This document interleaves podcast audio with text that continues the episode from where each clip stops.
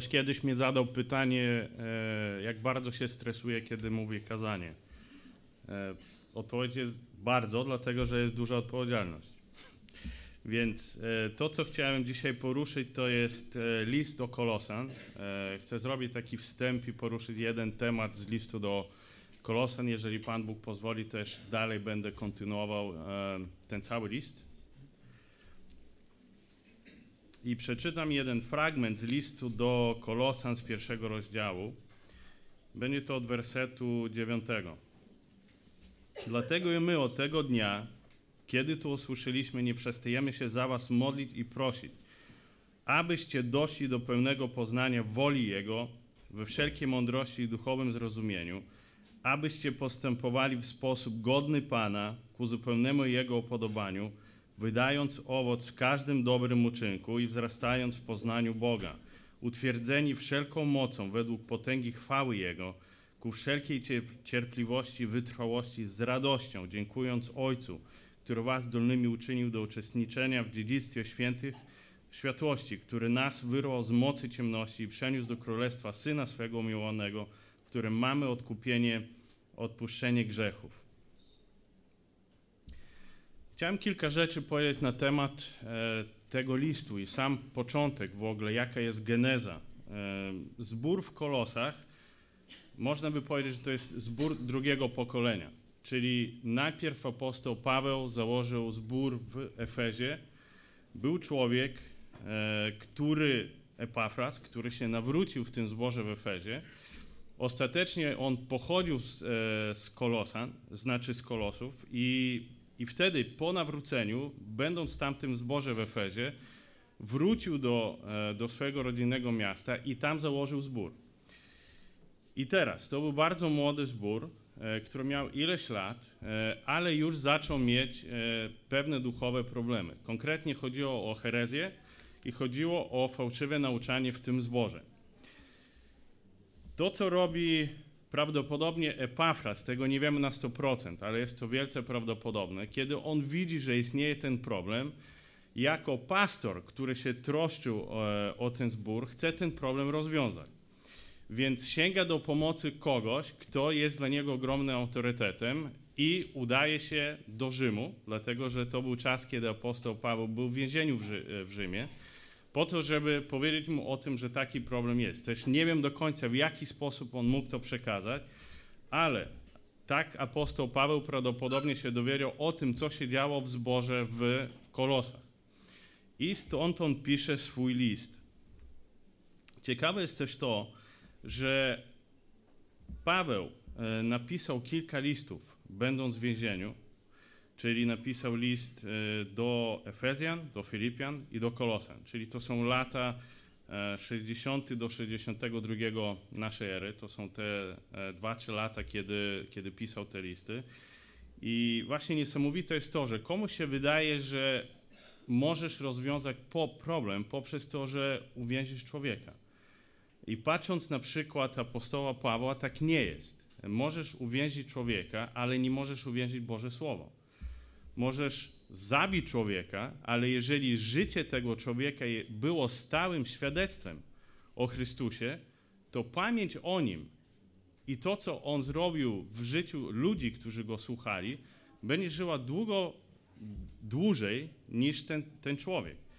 I bardzo mi się przypomina e, cytat, który też właśnie powiedział Spurgeon. Powiedział tak: Najlepszym nagrobkiem jest dobry charakter. Ci, którzy Cię kochali i którym pomagałeś, będą o Tobie pamiętać, gdy nie zapominajki zwienną. Wyryj swoje imię na sercach, nie na marmurze. Więc taki jest sens e, życia człowieka wierzącego. E, ludzie żyją dla różnych celów, ale właśnie człowiek, taki jak apostoł Paweł, czy inni, których mamy przykład w Biblii, żyli dla czegoś, co jest większe. Więc wtedy, kiedy oni umierają, fizycznie ich nie ma, to cel, po co żyli, nadal, nadal istnieje. Więc co dokładnie spowodowało, że Epafras e, udał się do Rzymu, przekazał tą wiadomość do Pawła i że Paweł napisał ten list w taki sposób, jaki napisał ten list. Więc tak jak już wspomniałem, ten zbór był dosyć młody. Same miasto głównie się składało oczywiście z pogan, ale była też e, pewna grupa Żydów. E, tak też był ukształtowany ten zbór, że była tam część e, pogan, którzy się nawrócili, Żydów, którzy się nawrócili też. No i ta społeczność przyniosła ze sobą coś, czyli przed nawróceniem każdy w coś wierzył. I często ludzie tak mają, że w nowym życiu w Chrystusie zaczynają też wdrażać te praktyki, które im były znane kiedyś. E, mamy pewne idee, o czym była mowa i na czym polegał problem. Na przykład e, w też Kolosach, drugi rozdział, 18 werset, e, tutaj apostoł Paweł podkreśla, że był jakiś problem z kultem aniołów. Tak? Druga rzecz, idee, które przychodziły z judaizmu, kwestia obrzezania. Czyli widzimy, że była pewna herezja i zagrożenie fałszywej nauki, która polegała na tym, że dwie grupy poganie i, i Żydzi wnieśli do tego nowego życia coś, co było ich starymi praktykami i próbowali to wszystko e, pogodzić. Tak czy owak, problem był na tyle poważny, że on podważał boskość Jezusa Chrystusa. I jeżeli patrzymy na ten cały list do Kolosan, to właśnie to jest jego główna myśl. Boskość Jezusa Chrystusa. Jest tutaj też mowa o tym, że ludzie szukają jakiejś tajemnicy, często mistycznej. Więc kiedy apostoł Paweł pisze ten list, on też mówi o objawieniu tej tajemnicy, ale w tym wskazuje, na czym polega prawdziwa tajemnica, która jest objawiona i została objawiona w osobie Jezusa Chrystusa. Czyli apostoł Paweł, mówiąc o tym, on skupia całą swoją uwagę na boskości Chrystusa. E, jeżeli spojrzymy na, tym, na to, co napisał apostoł Paweł właśnie w liście do Kolosjan, drugi rozdział, werset od szóstego, mamy takie słowa. Jak więc przyjęliście Chrystusa Jezusa Pana, tak w Nim chodźcie, wkorzenieni weń i, wbudowani, i zbudowani na Nim i utwierdzeni w wierze, jak was nauczono, składając nieustannie dziękczynienie. Baczcie, aby was kto nie sprowadził na manowcy filozofią i czczym urojeniem opartym na po na podaniach ludzkich i na żywiołach świata, a nie na Chrystusie, gdyż w nim mieszka cieleśnie cała pełnia boskości. Czyli od razu w drugim e, rozdziale widzimy, na jaki problem odpowiada apostoł Paweł i w jaki sposób odpowiada na ten problem. On mówi, że cała tajemnica nie jest jakaś mistyczna, ale jest objawiona w osobie Jezusa Chrystusa i że On jest w centrum Ewangelii, że On jest fundamentem życia i że wierzący człowiek tylko na nim może opierać swoje życie i tylko na nim budować to życie. Jaka jest, taka była sytuacja wtedy. Jaka jest sytuacja dzisiaj? Czy ten list jest dzisiaj aktualny? Więc realia wierzących ludzi wtedy nie były bardzo różne od realiów wierzących ludzi dzisiaj. Zawsze jest jakaś presja. Była presja wtedy, była, jest presja dzisiaj. Jeżeli spojrzymy na to, w jakim społeczeństwie żyjemy dzisiaj, e, to to społeczeństwo szydzi z prawdziwej wiary w Jezusa Chrystusa, szydzi z prawdziwej wiary chrześcijańskiej, krytykuje chrześcijańskie wartości i wywiera ogromną presję na tych wszystkich, którzy chcą tak żyć. Na przykład e, w świecie tolerancji, w którym żyjemy dzisiaj, możesz wierzyć w Boga. Nie jest to problemem, o ile nie jest to Chrystus i o ile nie jest to Bóg w Biblii. Miłość jest, żyjemy w takich czasach, kiedy wszyscy mówią o miłości, o miłości. Piosenki o miłości, wiersze, filmy, najwięcej tytułów jest chyba na temat miłości, więc miłość jest wszędzie i miłość jest we wszystkim, o ile to nie jest taka miłość, którą zdefiniował Bóg. Dowolny związek dzisiaj, e, ludzi nieważne jakiej płci, którzy mieszkają pod jednym dachem, dzisiaj się nazywa rodziną i jest to ok. Do tego momentu, aż ktoś powie o tym, jaka jest definicja rodziny według tego, kto tę rodzinę stworzył. Każdy ma dzisiaj e, prawo do prawdy. I każdy w swojej prawdzie ma rację o ile nie jest to prawda Bożego Słowa, która jest y, jednoznaczna. Dzisiaj też grzech nie jest nazywany grzechem, tylko pewną słabością. A kto z ludzi nie ma słabości? Więc jest totalna tolerancja do tego, e, czym żyją ludzie. I nie ma, nie ma ludzi złych, wszyscy są dobrzy, tylko z czymś walczą. I faktycznie jest tak, że w naszych czasach większym grzechem jest powiedzenie komuś o jego grzechu, niż ten fakt istnienia grzechu w życiu tej osoby. Więc ryzyko jest takie, że jeżeli chrześcijanin nie jest mocno ugruntowany w tym, co jest prawdą w Biblii, jeżeli chrześcijanin nie jest mocno ugruntowany w tym, kim jest Jezus Chrystus, jeżeli nie jest mocno ugruntowany w tym, co jest w centrum Ewangelii, to pod presją tego świata, pod presją trendów, które dzisiaj panują wszędzie dookoła, ludzie zaczną rozwadniać Ewangelię. I to się dzieje też w kościołach. I bardzo szybko dostosują to, co jest napisane w Biblii, do tego, co jest miłe e, w tym świecie, co ludzie są w stanie przyjąć. Czyli problem, który był w kolosach wtedy i problem, który mam, mamy dzisiaj, jest bardzo podobny. I dlatego apostoł Paweł chce rozwiązać ten problem i pisze ten list. Też jeden ciekawy cytat e, świętego Augustyna. Jeżeli wierzysz w Ewangelii w to, co ci się podoba, a odrzucasz to, co ci się nie podoba, to wierzysz nie w Ewangelię, tylko w siebie. I bardzo często nasze chrześcijaństwo tak dzisiaj wygląda, że ludzie wybierają z Ewangelii to, co im pasuje, wyrzuc wyrzucają to, co się nie pasuje i mówią, że na tym polega chrześcijańska wiara. Więc Dlaczego Paweł pisze ten list? I dlaczego pisze, pisze to w taki sposób? Właśnie apostoł Paweł chce przypomnieć ludziom, co jest w centrum Ewangelii, kim jest Jezus Chrystus, skupić się na boskości Chrystusa i jeszcze raz powiedzieć, jaki to jest fundament, na którym powinno być budowane chrześcijańskie, chrześcijańskie życie. Kalwin powiedział tak: Cała Ewangelia zawarta jest w Chrystusie. I to jest właśnie dokładnie to, o czym pisze, e, pisze Paweł.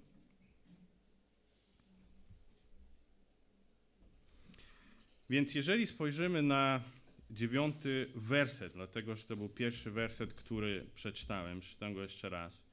Dlatego i my od tego dnia, kiedy to usłyszeliśmy, nie przestajemy się za was modlić i prosić, abyście doszli do pełnego poznania woli, woli Jego we wszelkiej mądrości i duchowym zrozumieniu Przede wszystkim e, to, co robi apostoł Paweł tutaj, on się modli.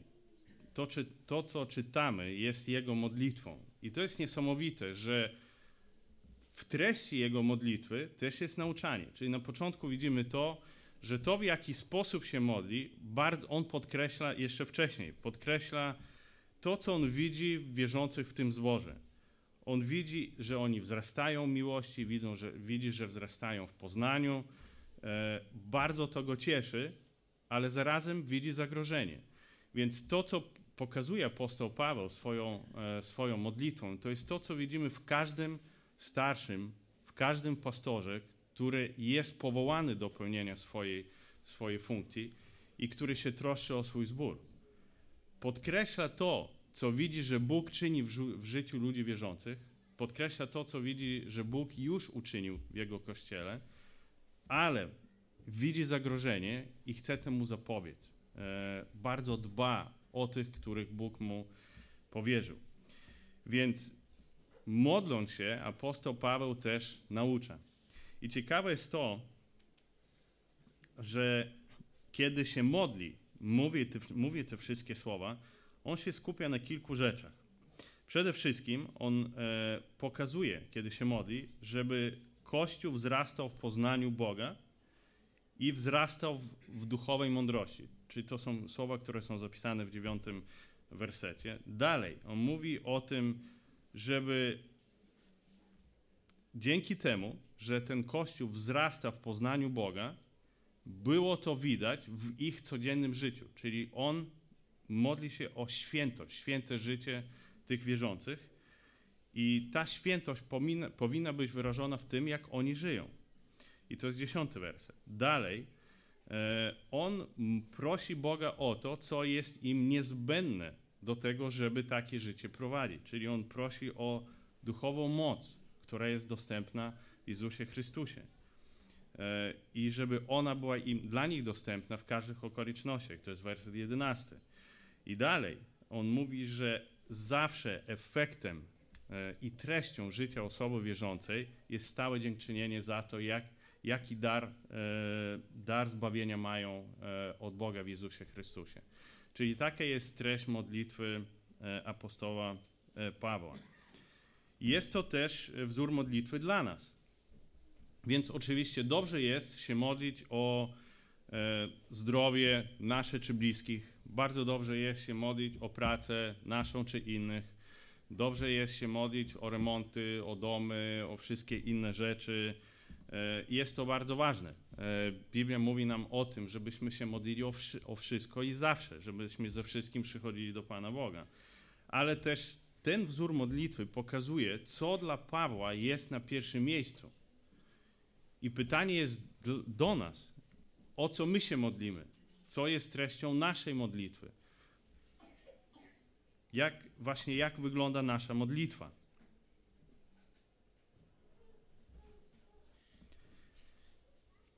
I dalej, apostoł Paweł modli się o mądrość i duchowe zrozumienie, abyście doszli do pełnego poznania woli Jego we wszelkiej mądrości i duchowym zrozumieniu i zwróćcie uwagę na to, e, że kiedy apostoł Paweł modli się do, o swoich ludzi, znaczy o ten kościół, e, pragnie, żeby oni mieli prawdziwy fundament, na którym mogą budować życie, zaczyna od precyzyjnie dobranych słów.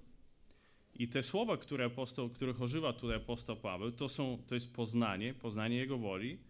Dalej, e, wszelka mądrość, czyli mądrość też, o czym on się modli, i duchowe zrozumienie poznanie, mądrość i zrozumienie. I to jest to, od czego on zaczyna. Dlaczego? Dlatego, dlatego, że to, co wiemy o Bogu, jak rozumiemy Boga, co wiemy o Chrystusie, jak rozumiemy Chrystusa, jak rozumiemy Ewangelię, to będzie wpływać na to, w jaki sposób funkcjonujemy, jak postępujemy. I ciekawe też jest to, że z kolei, tak jak powiedziałem na samym początku, że pisząc to, apostoł Paweł z jednej strony mówi o rzeczach, które są ogólne, e, czyli fundament chrześcijańskiego życia, ale z drugiej strony on pisze to jako kontrast do tego, co ludziom w tym zborze, którzy fałszywie nauczają, może się wydawać jako mądre. I my też z tym mamy do czynienia na co dzień. Czyli ludzie, którzy, e, nie wiem jak to powiedzieć, są inkluzywni e, w naszych czasach, kiedy e, wszystko jest dobre, nie ma rzeczy jednoznacznych. Oni też przychodzą z czymś, co jest intelektualnie, intelektualnie ciekawe. Tłumaczą to w jakiś sposób. Ale apostoł Paweł mówi to tak, że jest mądrość Boża, która jest jedynie prawdziwa, jest mądrość świecka. E, I jeżeli e, przeczytamy jeden werset z Kolosan 2,23, napisane jest tak. Mają one pozór mądrości w obrzędach wymyślonych przez ludzi, w poniżaniu samego siebie i w martwianiu ciała, ale nie mają żadnej wartości, gdy chodzi o opanowanie zmysłów. Czyli w tamtej sytuacji on mówi, że było coś, co ludziom się wydawało za mądre, a takie nie jest, dlatego że Boża mądrość jest inna. I w naszych czasach jest podobnie komuś, kto przychodzi z takimi pomysłami, ludziom się wydaje, że mają intelektualny argument na to, że jest to właściwe. Ale jeżeli chodzi o Boże Słowo, to Boże Słowo to wszystko rozbija.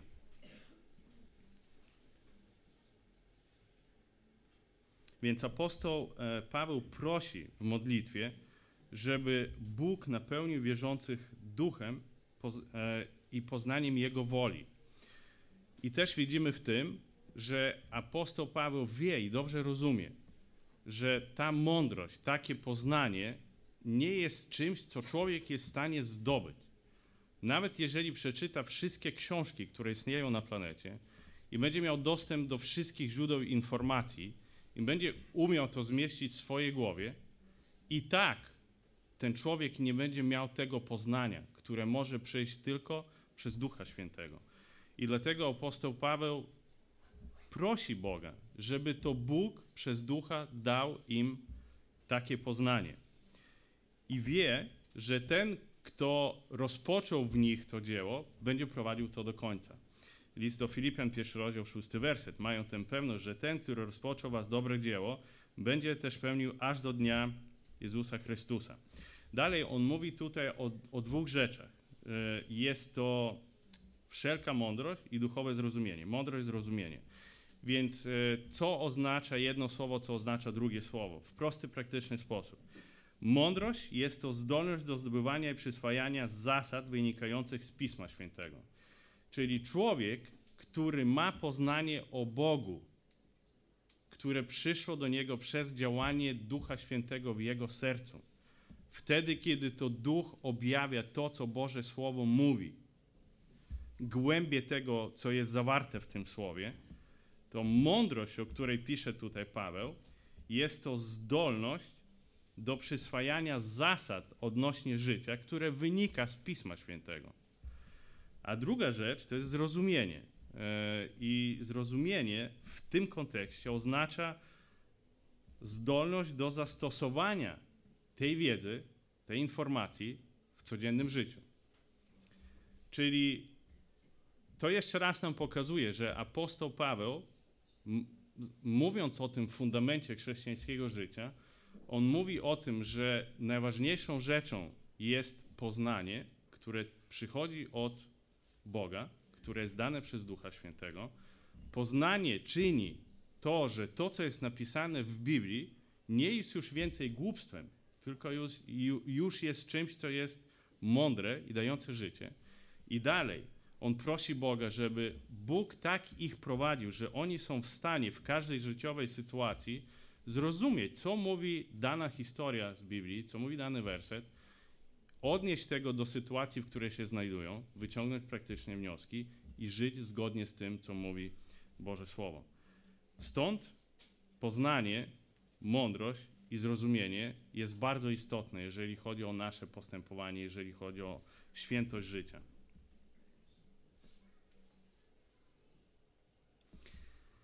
Jaki jest problem w naszych czasach, często w zborach?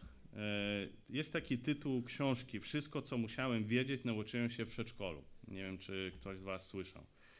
Więc, ale sam tytuł mówi o sobie. E, I bardzo, bardzo często jest tak, że ludzie wierzący są zadowoleni z tego, że znają kilka takich podstawowych prawd, o których się nauczyli na początku swojej wędrówki, będąc w kościele, słuchając e, kilku kazań i myślą, że tego wszystkiego im w zupełności wystarczy do e, bogatego życia chrześcijańskiego.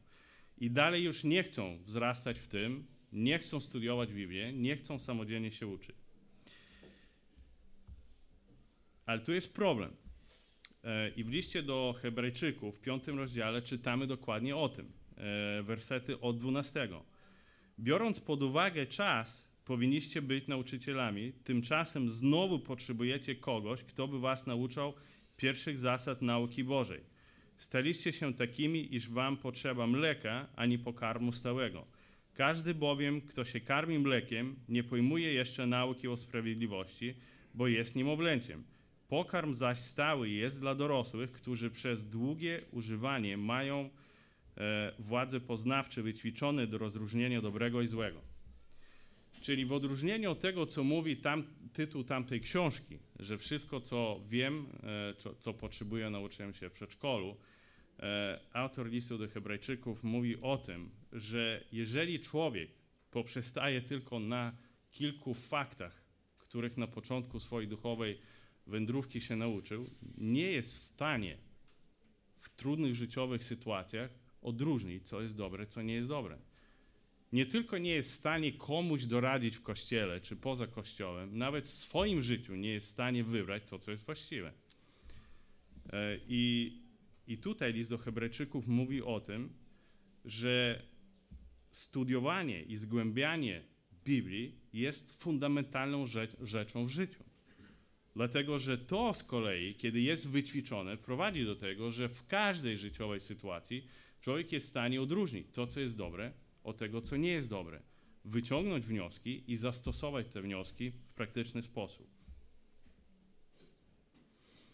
Apostoł Paweł e, skupia się na tym duchowym rozwoju z dwóch powodów. E, jeden z nich to jest taki, że wiedza o Bogu i poznanie jest, jest niezbędne do właściwego życia, to jest to, co już żeśmy powiedzieli, do podejmowania mądrych decyzji. A druga rzecz, i to jest też powód, dlaczego on pisze ten list, głębokie poznanie Pana i tych praw, które są w Biblii, chroni człowieka przed fałszywą nauką i herezją. Nie wiem, czy pewnie już tą historię wszyscy słyszeli z milion razy, ale to w jaki sposób ludzi uczyli w banku odróżnić fałszywe banknoty od prawdziwych. To nie jest tak, że pokazują im wszystkie możliwe wersje fałszywych, tylko zawsze pokazują te, co są prawdziwe. Więc jeżeli człowiek wie, jak wygląda, wy, wygląda prawdziwy pieniądz, to nieważne jak, e, in, jak wyglądają różne kopie, zawsze będzie w stanie odróżnić. I dokładnie tu jest tak samo. Możemy studiować całą filozofię, filozofię która jest dostępna wszędzie dookoła. E, I jest to ok, jeżeli kogoś to interesuje. Ale to, co mówi Paweł, to jest to, żebyśmy byli skupieni na poznawaniu tego, co Biblia mówi, że jest prawdą. I dlatego wtedy, kiedy będziemy mieli styczność z czymś, co ma tylko pozór mądrości, będziemy w stanie powiedzieć, czy to jest prawda, czy nie, czy to jest od Boga, czy nie. Więc jak jest w naszych czasach? Czy dzisiaj brakuje nam dostępu do informacji? Czy dzisiaj brakuje nam dostępu do wiedzy, do książek, do kazań? Mi się wydaje, że dzisiaj, jak nigdy przedtem, mamy tysiące dobrych książek i każdy może je czytać w różnych językach, e, w różnej formie, papierowej, Kindle, innej formie elektronicznej mamy dostęp do nieograniczonej liczby kazań, bardzo zdolnych kaznodziejów w różnych językach. Mamy dostęp do różnych podcastów, audiobooków, py pytań i odpowiedzi na różne wszystkie możliwe tematy, które tylko istnieją. Artykuły, kazania, książki. E, nawet w tym zborze ludzie przesyłają sobie nawzajem linki do dobrych kazań. E, cytaty znanych kaznodziejów, coś, co przypomina ludziom, jak powinno się żyć. Więc dostęp do informacji nie jest problemem. Ludzie mają dostęp do informacji.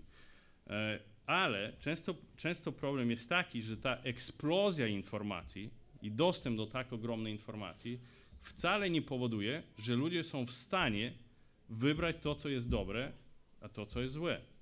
Odróżnić właściwe od niewłaściwego skupić się na tym, co jest Boże, a nie na tym, co jest świeckie.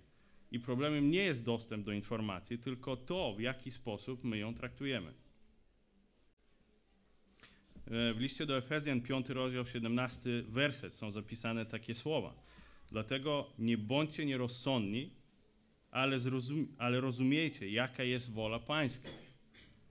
Więc ważne jest to, żebyśmy rozumieli, co jest napisane w Bożym, Bożym Słowie i umieli to dostosować do życia.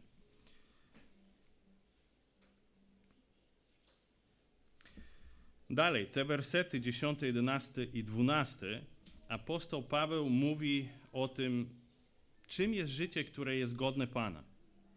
Abyście postępowali w sposób godny Pana, ku zupełnemu Jego upodobaniu, wydając owoc w każdym dobrym uczynku i wzrastając w poznaniu Boga, utwierdzeni wszelką mocą według potęgi chwały Jego, ku wszelkiej cierpliwości, wytrwałości z radością, dziękując Ojcu, który was zdolnymi uczynił do uczestniczenia w dziedzictwie świętych w światłości. I teraz tutaj apostoł Paweł wymienia trzy rzeczy.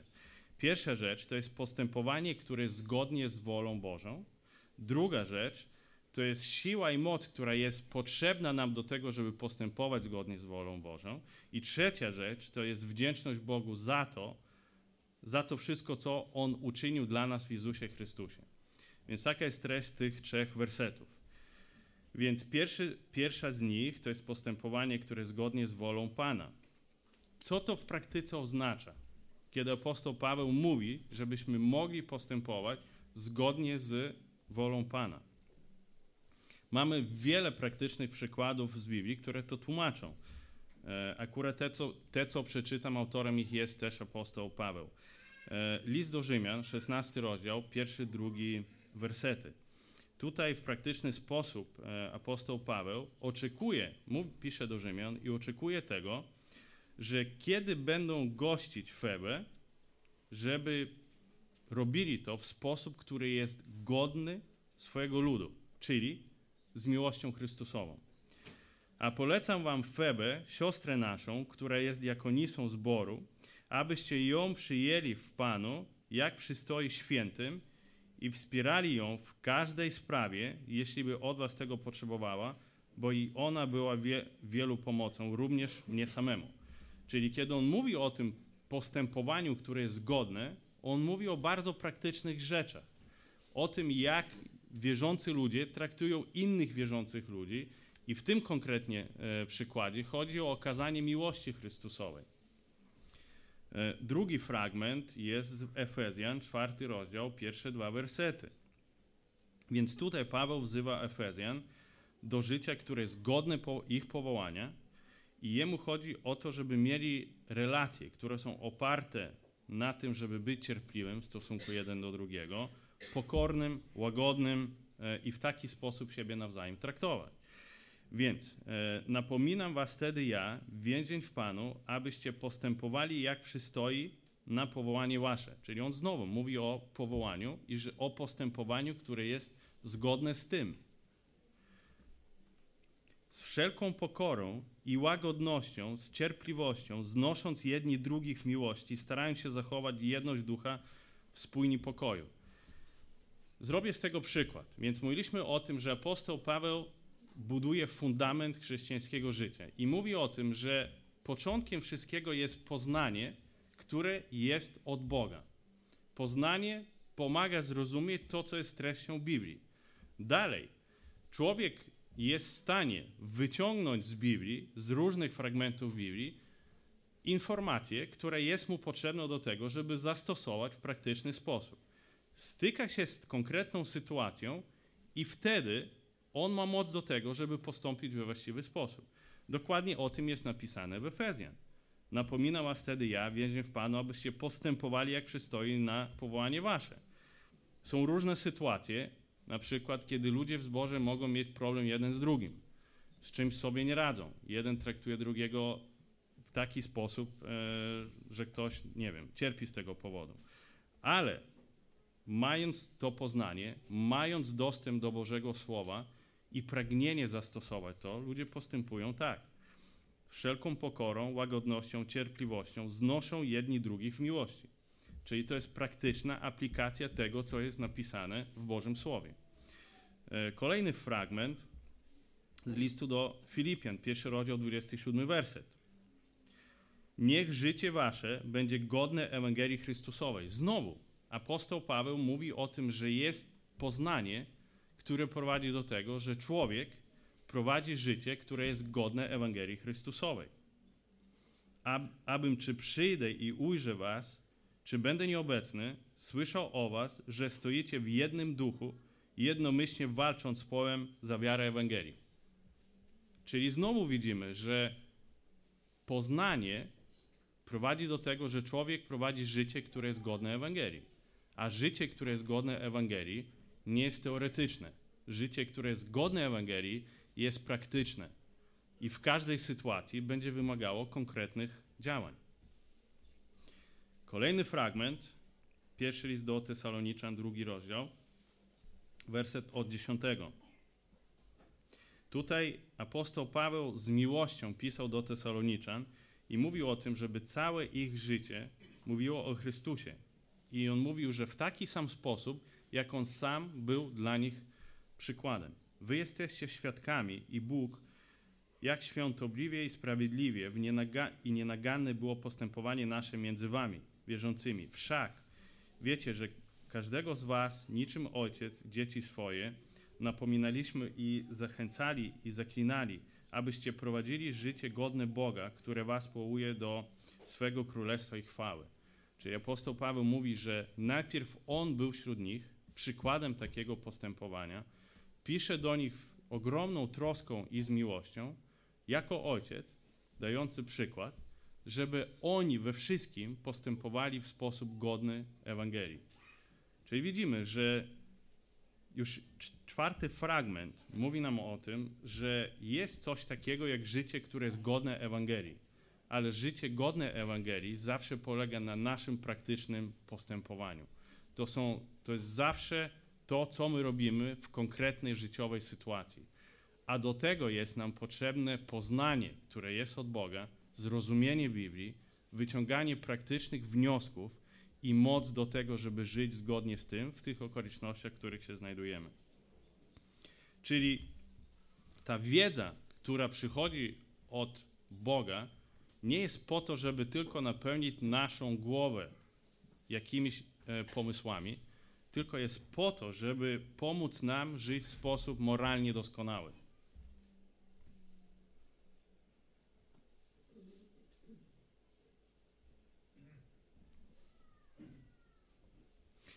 I jeszcze jest taka myśl, która też wynika z tego, że apostoł Paweł, mówiąc o tej wiedzy, o tej mądrości, o tym poznaniu, on cały czas stawia kontrast pomiędzy, pomiędzy tym, co jest Boże i co ludzie słyszą przez nauczanie i widzą w Bożym Słowie, i pomiędzy tym, co mówi im ktoś, kto jest fałszywym nauczycielem.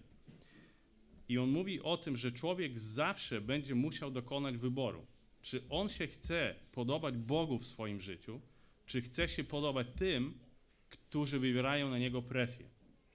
Galacjan pierwszy rozdział, dziesiąty werset. A teraz, czy chcę ludzi sobie zjednać, czy Boga? Albo czy staram się przypodobać ludziom, bo gdybym nadal ludziom chciał się przypodobać, nie, nie byłbym sługą Chrystusowym. Czyli apostoł Paweł mówi o tym, że będą sytuacje w życiu, jak nawet nie całe życie, kiedy człowiek będzie musiał dokonywać wyboru. Czy w swoim postępowaniu będzie, postępo, będzie wybierał to, co jest dobre w oczach Boga i co on wie, że jest napisane w Bożym Słowie, czy będzie ulegał presji, która jest wszędzie dookoła, a realnie jest bardzo silna. Więc w swoim życiu apostoł Paweł dokonał tego wyboru i on nie jest niewolnikiem, e, nie jest niewolnikiem ludzi. Często jest tak, że Kościół się zachowuje tak, jakby był niewolnikiem idei, które są wszędzie dookoła, a nie tego, co jest napisane w Biblii. I to, o czym e, też mówi apostoł Paweł, e, to jest to, że takie życie będzie przynosiło dobry duchowy owoc. Możemy zacytować słowa samego e, Pana naszego Jezusa Chrystusa z Ewangelii Mateusza 5 rozdział 6 werset. Tak niechaj świeci wasza światłość przed ludźmi, aby wiedzieli wasze dobre uczynki i chwalili Ojca waszego, który jest w niebie. Czyli jeszcze raz logiczny ciąg. Bóg przez Ducha Świętego daje poznanie swojego słowa, że ono zaczyna mieć dla nas realny sens, zaczyna być życiem. Człowiek jest duchowo prowadzony przez Boga w taki sposób, że on to słowo rozumie, i nie pozostaje na tym etapie, kiedy w przedszkolu parę idei e, przyjął i dalej już nie musi się uczyć, tylko wzrasta w tym poznaniu stale.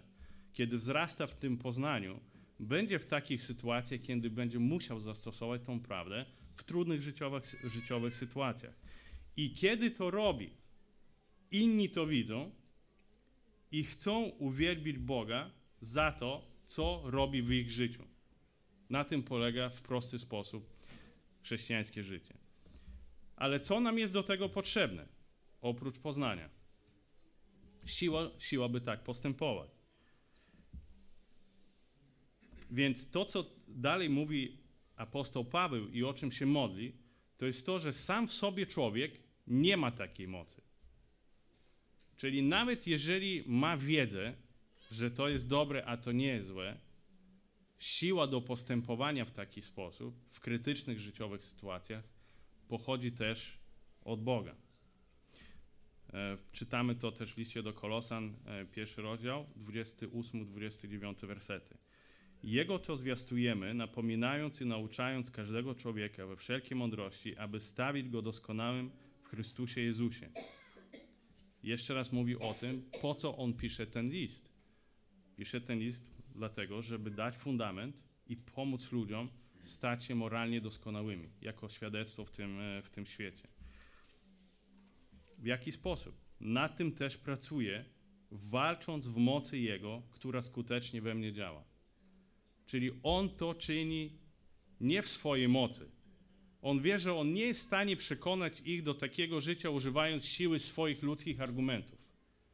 Nawet jeżeli wie, że jest to prawda Bożego Słowa, nawet jeżeli wie, że tak mówi Bóg, nawet jeżeli jest absolutnie co do tego przekonany i widział to tysiąc razy, jak to działa w życiu innych, dopóki Bóg nie uczyni, że, że ta moc będzie działać w życiu tych ludzi, nic się nie stanie.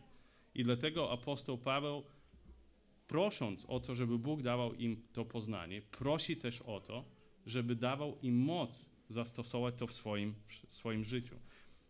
I to, co czyni, czyni w mocy Jego, która skutecznie w nim działa, czyli w mocy Jezusa Chrystusa. Efezjan, pierwszy rozdział od 17 wersetu, czytamy takie słowa. Aby Bóg Pana naszego Jezusa Chrystusa, Ojciec chwały, dał wam ducha mądrości i objawienia ku poznaniu Jego i oświecił oczy serca waszego, abyście wiedzieli, jaka jest nadzieja, do której was powołał i jakie bogactwo chwały jest udziałem świętych w dziedzictwie, w dziedzictwie Jego i jak nadzwyczajna jest wielkość mocy Jego wobec nas, którzy wierzymy dzięki działaniu przemożnej siły Jego, jaką okazał w Chrystusie, gdy wzbudził Go z martwych i posadził Go po prawicy w niebie. To jest fragment, który przekazuje bardzo podobną moc, yy, podobną ideę, że życie, które jest święte, jest możliwe tylko wtedy, jeżeli w życiu osoby jest obecna Boża moc. Działanie Jezusa Chrystusa. I dalej to, co, to, co też e, czytamy e, w naszym fragmencie do Kolosan, to jest to, że ta moc w bardzo praktyczny sposób daje cierpliwość i wytrwałość. Tak mówi ten fragment. Co to oznacza? Więc są różne tłumaczenia tego, co może oznaczać cierpliwość i wytrwałość. Ktoś nawet powiedział, że to jest cierpliwa wytrwałość. Nie wiem, czy, czy to ma sens po polsku. Ale e, wytrwałość to jest reakcja na zewnętrzną presję. Czyli nie, e, to jest nie, nieuleganie naciskom albo prześladowaniom. Czyli kiedy człowiek jest postawiony w życiowej sytuacji, że jest pod ogromną presją albo jest prześladowany za swoje poglądy, to moc, która działa w nim, pozwala mu być wytrwałym w tej sytuacji. A dalej, cierpliwość to jest wewnętrzna reakcja, która prowadzi do tego, że człowiek jest powściągliwy w tym, jak reaguje na innych. Czyli z kolei tu jest, to nie jest tak, że on jest pod presją czegoś, ale widzi na przykład niedojrzałe zachowanie innych. Widzi, że mimo to, że wybaczy już 100 razy, ktoś postępuje znowu w ten sam sposób. Więc Jezus Chrystus swoim przykładem daje moc do tego, żeby w cierpliwy sposób, łagodnie reagować w takich sytuacjach. I ostatnia rzecz, o której, e, o której tutaj pisze e, Paweł, to jest to, że efektem tego trzecim jest wdzięczność Bogu za wszystko. Dziękując Ojcu, który was zdolnymi uczynił do uczestniczenia w dziedzictwie świętych światłości. Czyli to, co on mówi, to jest to, że człowiek wierzący, który doświadcza tego wszystkiego, on będzie w swoim życiu miał radosne dziękczynienie. On będzie skupiał się na tym, co Bóg już uczynił w jego życiu, w Jezusie Chrystusie i co stale czyni. Ten tekst opisuje e, taki stan jako szczerą, autentyczną wdzięczność, która wynika z tego, że człowiek rozumie swoje zbawienie, które jest bardzo często niedoceniane, dlatego że ludziom się wydaje, ok, to było kiedyś, a dalej jest, jest życie.